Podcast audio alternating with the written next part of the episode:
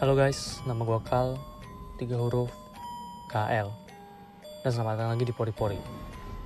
Nah di episode kali ini kita bakal bahas yang paling di request sama banyak orang dan mungkin yang paling ditunggu-tunggu juga sama banyak orang. Yaitu kita bakal bahas tentang kejadian-kejadian horor.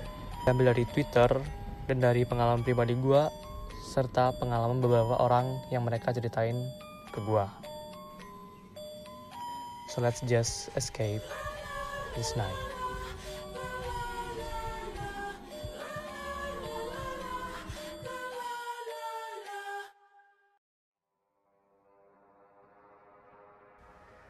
Kejadian pertama ini dikutip dari thread Kang Agil di Twitter @gil selalu benar tentang kejadian horor di Universitas Pajajaran.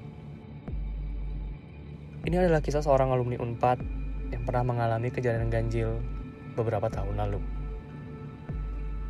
Kisah ini terjadi ketika saya masih kuliah, tepatnya tahun 2008 silam. Waktu itu sekitar jam 3 pagi, saya hendak pulang ke kos setelah berjam-jam nongkrong di warnet.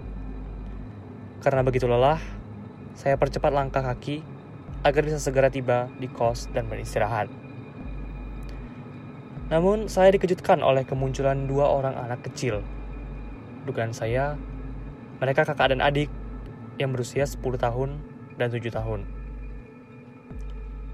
Kedua bocah tersebut terlihat mengenakan pakaian lusuh. Dan saat itu saya berpikir mereka anak jalanan.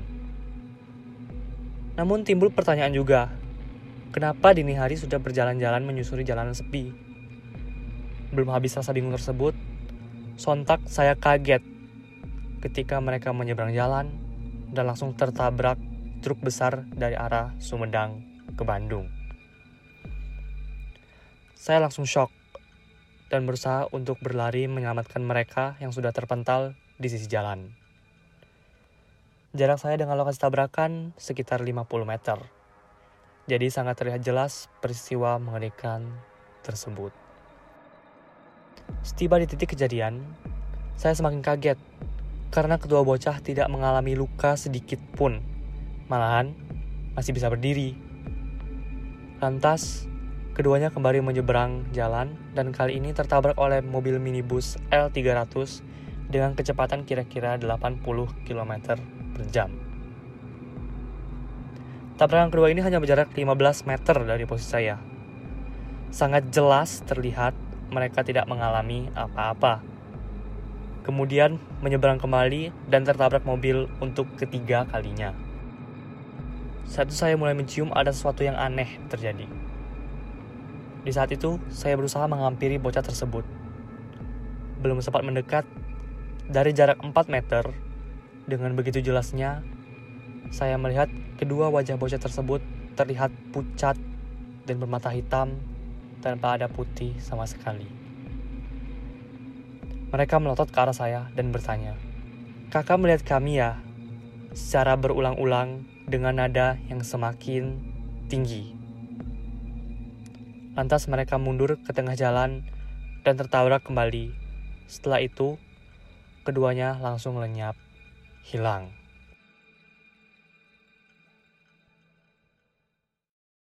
Kemudian ada satu cerita lagi dari thread yang sama tentang seorang mahasiswa FIB Unpad, Muti, yang mengalami kejadian tak enak saat dirinya menjadi panitia festival budaya di sekitaran kampus FIB tersebut. Awalnya dia mendengar ada suara sayup-sayup seperti seorang perempuan menangis di pojok gedung PSBJ. Ternyata saat didekati, suara tersebut berasal dari temannya yang memang sedang punya masalah dengan sang pacar. Saat Muti membujuk temannya agar berhenti menangis, salah satu teman panitia lain meneriaki Muti dan temannya yang menangis tersebut agar segera pergi dari tempat itu. Ternyata, keesokan harinya, teman yang meneriaki Muti tersebut melihat sesosok nenek sedang memelototi Muti dan temannya yang menangis tersebut. Saat malam itu, tidak ada orang lain kecuali panitia festival budaya yang notaben adalah mahasiswa FIB. mungkin cerita dari FIB ini udah melegenda banget di Unpad. Karena gue juga personally udah pernah denger tentang sesosok di FIB itu. Karena gue TPB di FIB jadi gue dapat ceritanya dari mereka.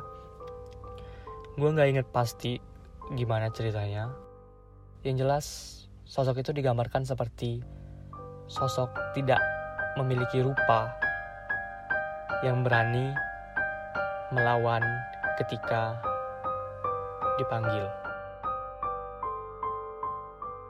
Lalu ada cerita dari teman gua, kejadian yang menimpa dia sendiri di kos-kosan. Teman gue ini ngekos di Cisalada, bagian paling dalam dekat jembatan cincin. Kata dia, lokasi kos-kosannya persis di belakang Taman Melati. Menurut pengakuan teman gue ini, dia harus selalu tidur sebelum jam 2 malam. Kenapa?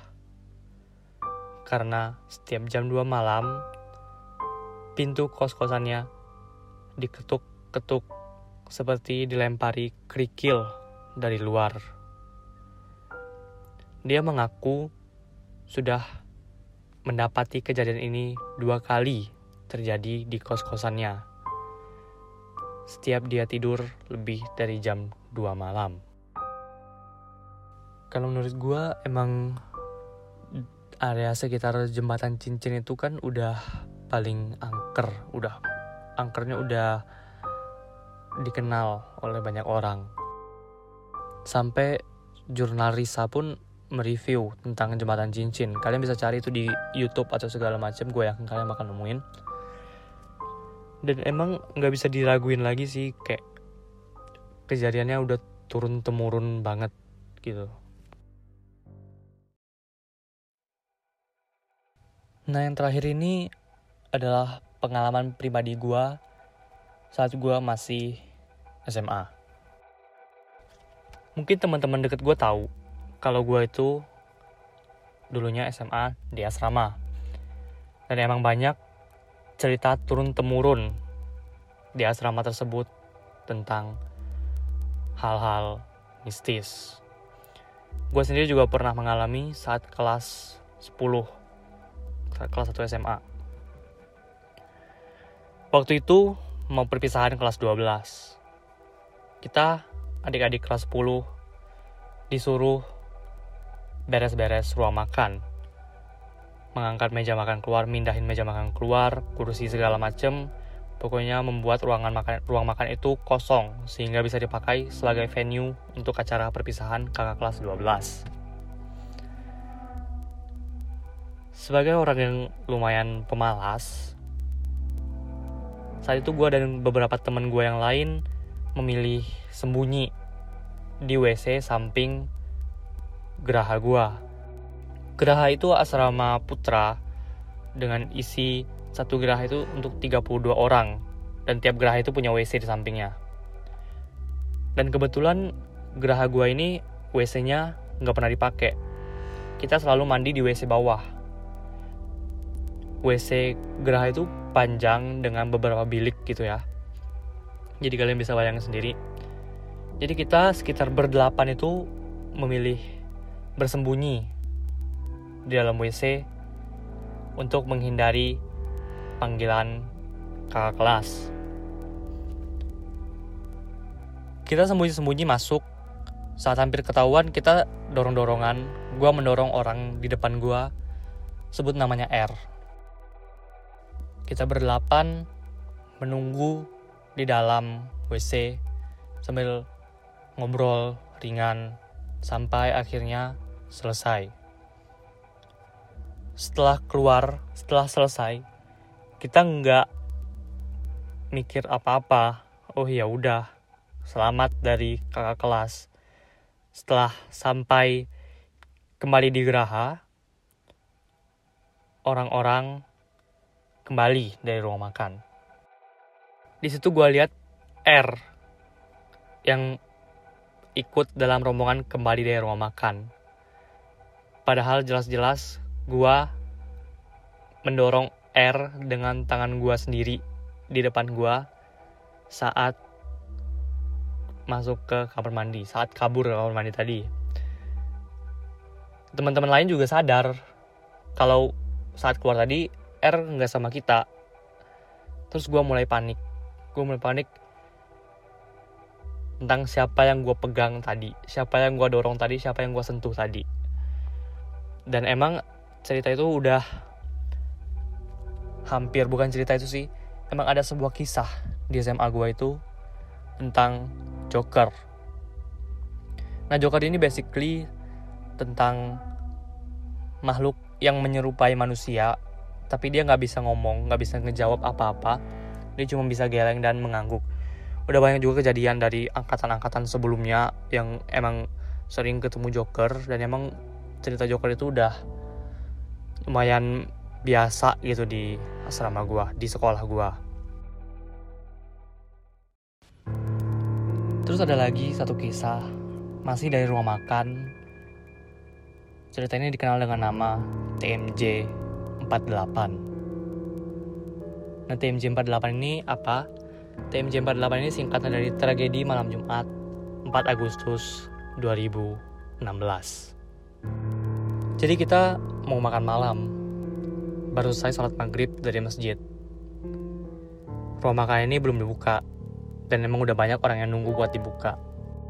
Nah pas udah dibuka, salah satu teman gue memilih untuk nggak jadi makan. Dia kembali ke asrama dan tanya sama teman gue satu lagi, lu kenapa nggak jadi makan? Terus dia nggak mau jawab. Terus kembali ke rumah makan, gue makan dong sama teman-teman gue. Gue makan dan saat tengah pertengahan sesi makan itu lampu ruang makan tiba-tiba mati menyisakan gelap di ruang makan enggak lama satu teriakan datang dari sisi cewek sisi siswi ini di sebelah kanan sisi siswa di sebelah kiri dipisahkan oleh lorong panjang di tengah ini teriakan pertama terdengar dari siswi. Teriakan kedua juga dari siswi. Kemudian teriakan tiga dari siswa. Basically ada lima orang yang terkena serangan saat itu. Akhirnya pas pertengahan makan, belum pada habis makan, salah satu pejabat angkatan kelas 3 memerintahkan kami untuk keluar dari ruang makan segera untuk evakuasi dari rumah makan. Basically saat keluar dari rumah makan pun kita ngeliat orang-orang yang masih kemasukan gitu lagi dibaringin dan mereka akhirnya dibawa ke kantor asrama buat diredain, buat dihilangin. Mereka manggil guru agama buat datang, manggil ustadz juga buat ngebersihin gitu. Basically ada lima orang terus naik ke tujuh orang tragedi itu.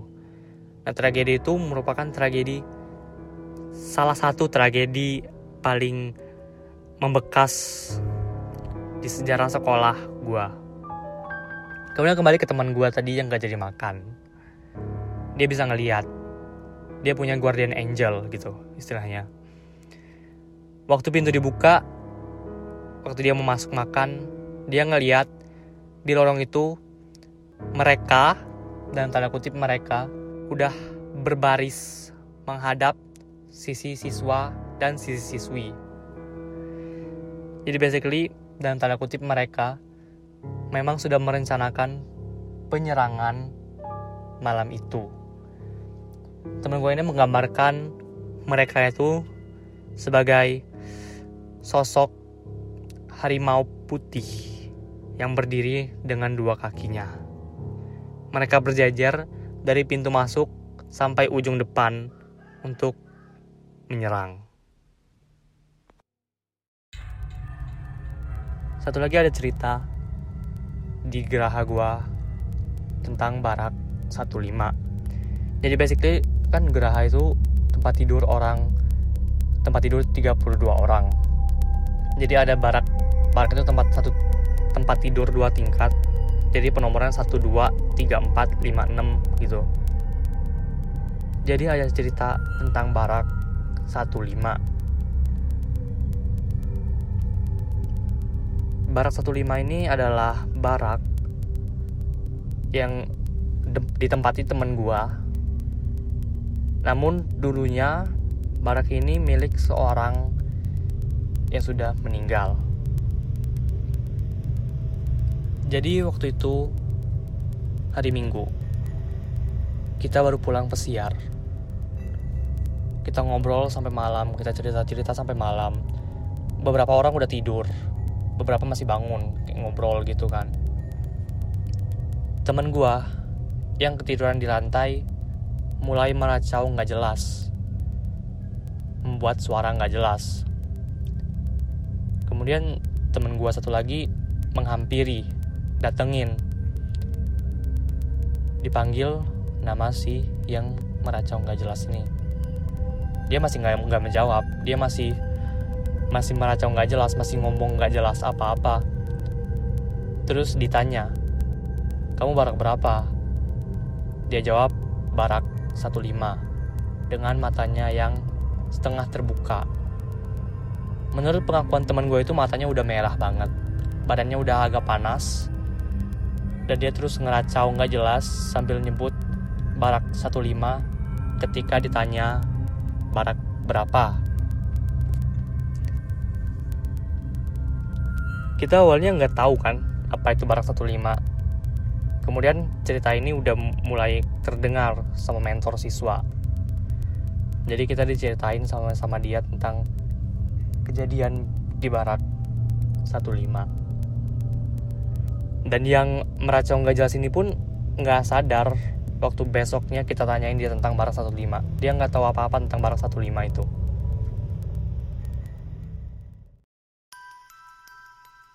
kemudian ada lagi satu cerita dari temen di samping barak gua jadi gua ini barak atas punya temen di kanan dan kiri ada cerita saat itu malam Kamis malam Kamis itu waktunya kita keagamaan.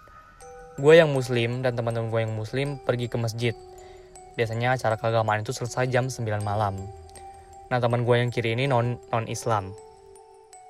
Jadi dia keagamaan di tempat lain dan biasanya memang mereka lebih cepat selesainya. Jadi setelah selesai si M ini kembali ke Geraha. Dia duduk sama teman-teman yang non-is lain.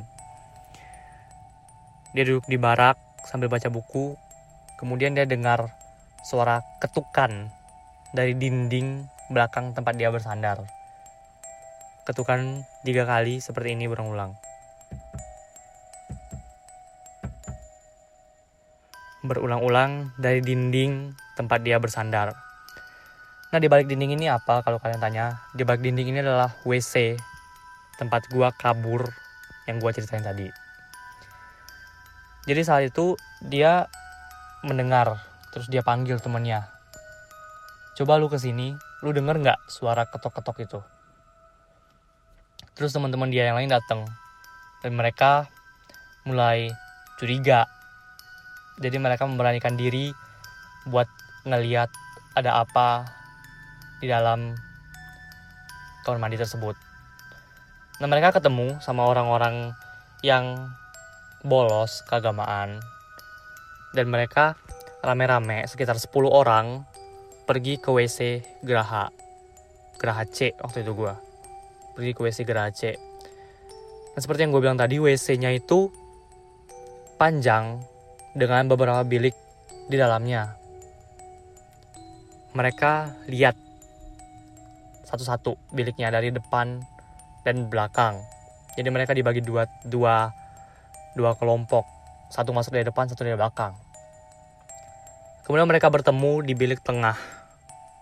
Bilik tengah itu satu-satunya pintu yang tertutup di antara bilik-bilik yang lainnya.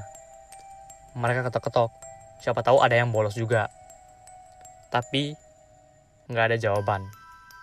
Saat itu mulai mereka mulai merasa aneh mulai merasa nggak nyaman dengan situasi yang terjadi. Kemudian salah satu dari mereka sebut si A ini akhirnya menyarankan mereka mendobrak pintu tersebut.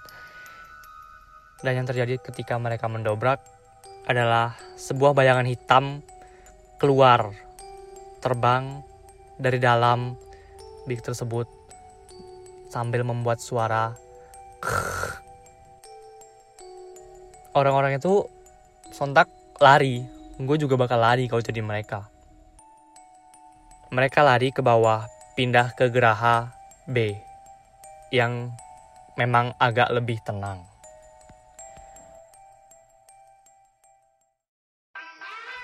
gue personally nggak bisa lihat dan emang nggak mau lihat nggak mau berinteraksi dengan yang seperti seperti itu. Gue nggak pengen jadi cayang gue nggak pengen bisa lihat mereka. Tapi gue yakin mereka ada di kita kita cuma beda frekuensi. Nah, kalian mungkin pernah dengar tentang uh, orang yang sakit yang kemudian bisa ngelihat. Menurut sains itu karena frekuensi kita saat sakit itu melemah. Kita frekuensinya merendah gitu sehingga hampir sama dengan frekuensi dunia mereka. Jadi nggak heran kalau orang-orang yang lagi sakit itu bisa ngeliat hal-hal yang seharusnya nggak mereka lihat. Nah mungkin segitu dulu podcast kali ini. Dan gue mau terima kasih banget sama Kang Agil yang udah ngizinin gue memakai threadnya buat gue buat jadi bahan podcast ini. Dan makasih juga buat teman gue Sista yang udah nyiapin materi kali ini sehingga gue tinggal baca aja gue tinggal ngomong gitu. Dan terima kasih juga buat teman-teman gue yang menceritakan yang berbaik hati menceritakan kisah-kisah ini ke gue buat gue jadiin konten. Anyway makasih udah dengerin pori-pori. Stay tune buat konten-konten selanjutnya perjalanan kita masih panjang. Dan dengerin terus pori-pori podcast agri penyemangat hari bye. Oh ya dan satu lagi gue mau bilang kalau kita tuh nggak pernah takut sendirian. Kita nggak pernah takut sendirian dalam gelap. Tapi kita takut kalau ternyata kita nggak sendirian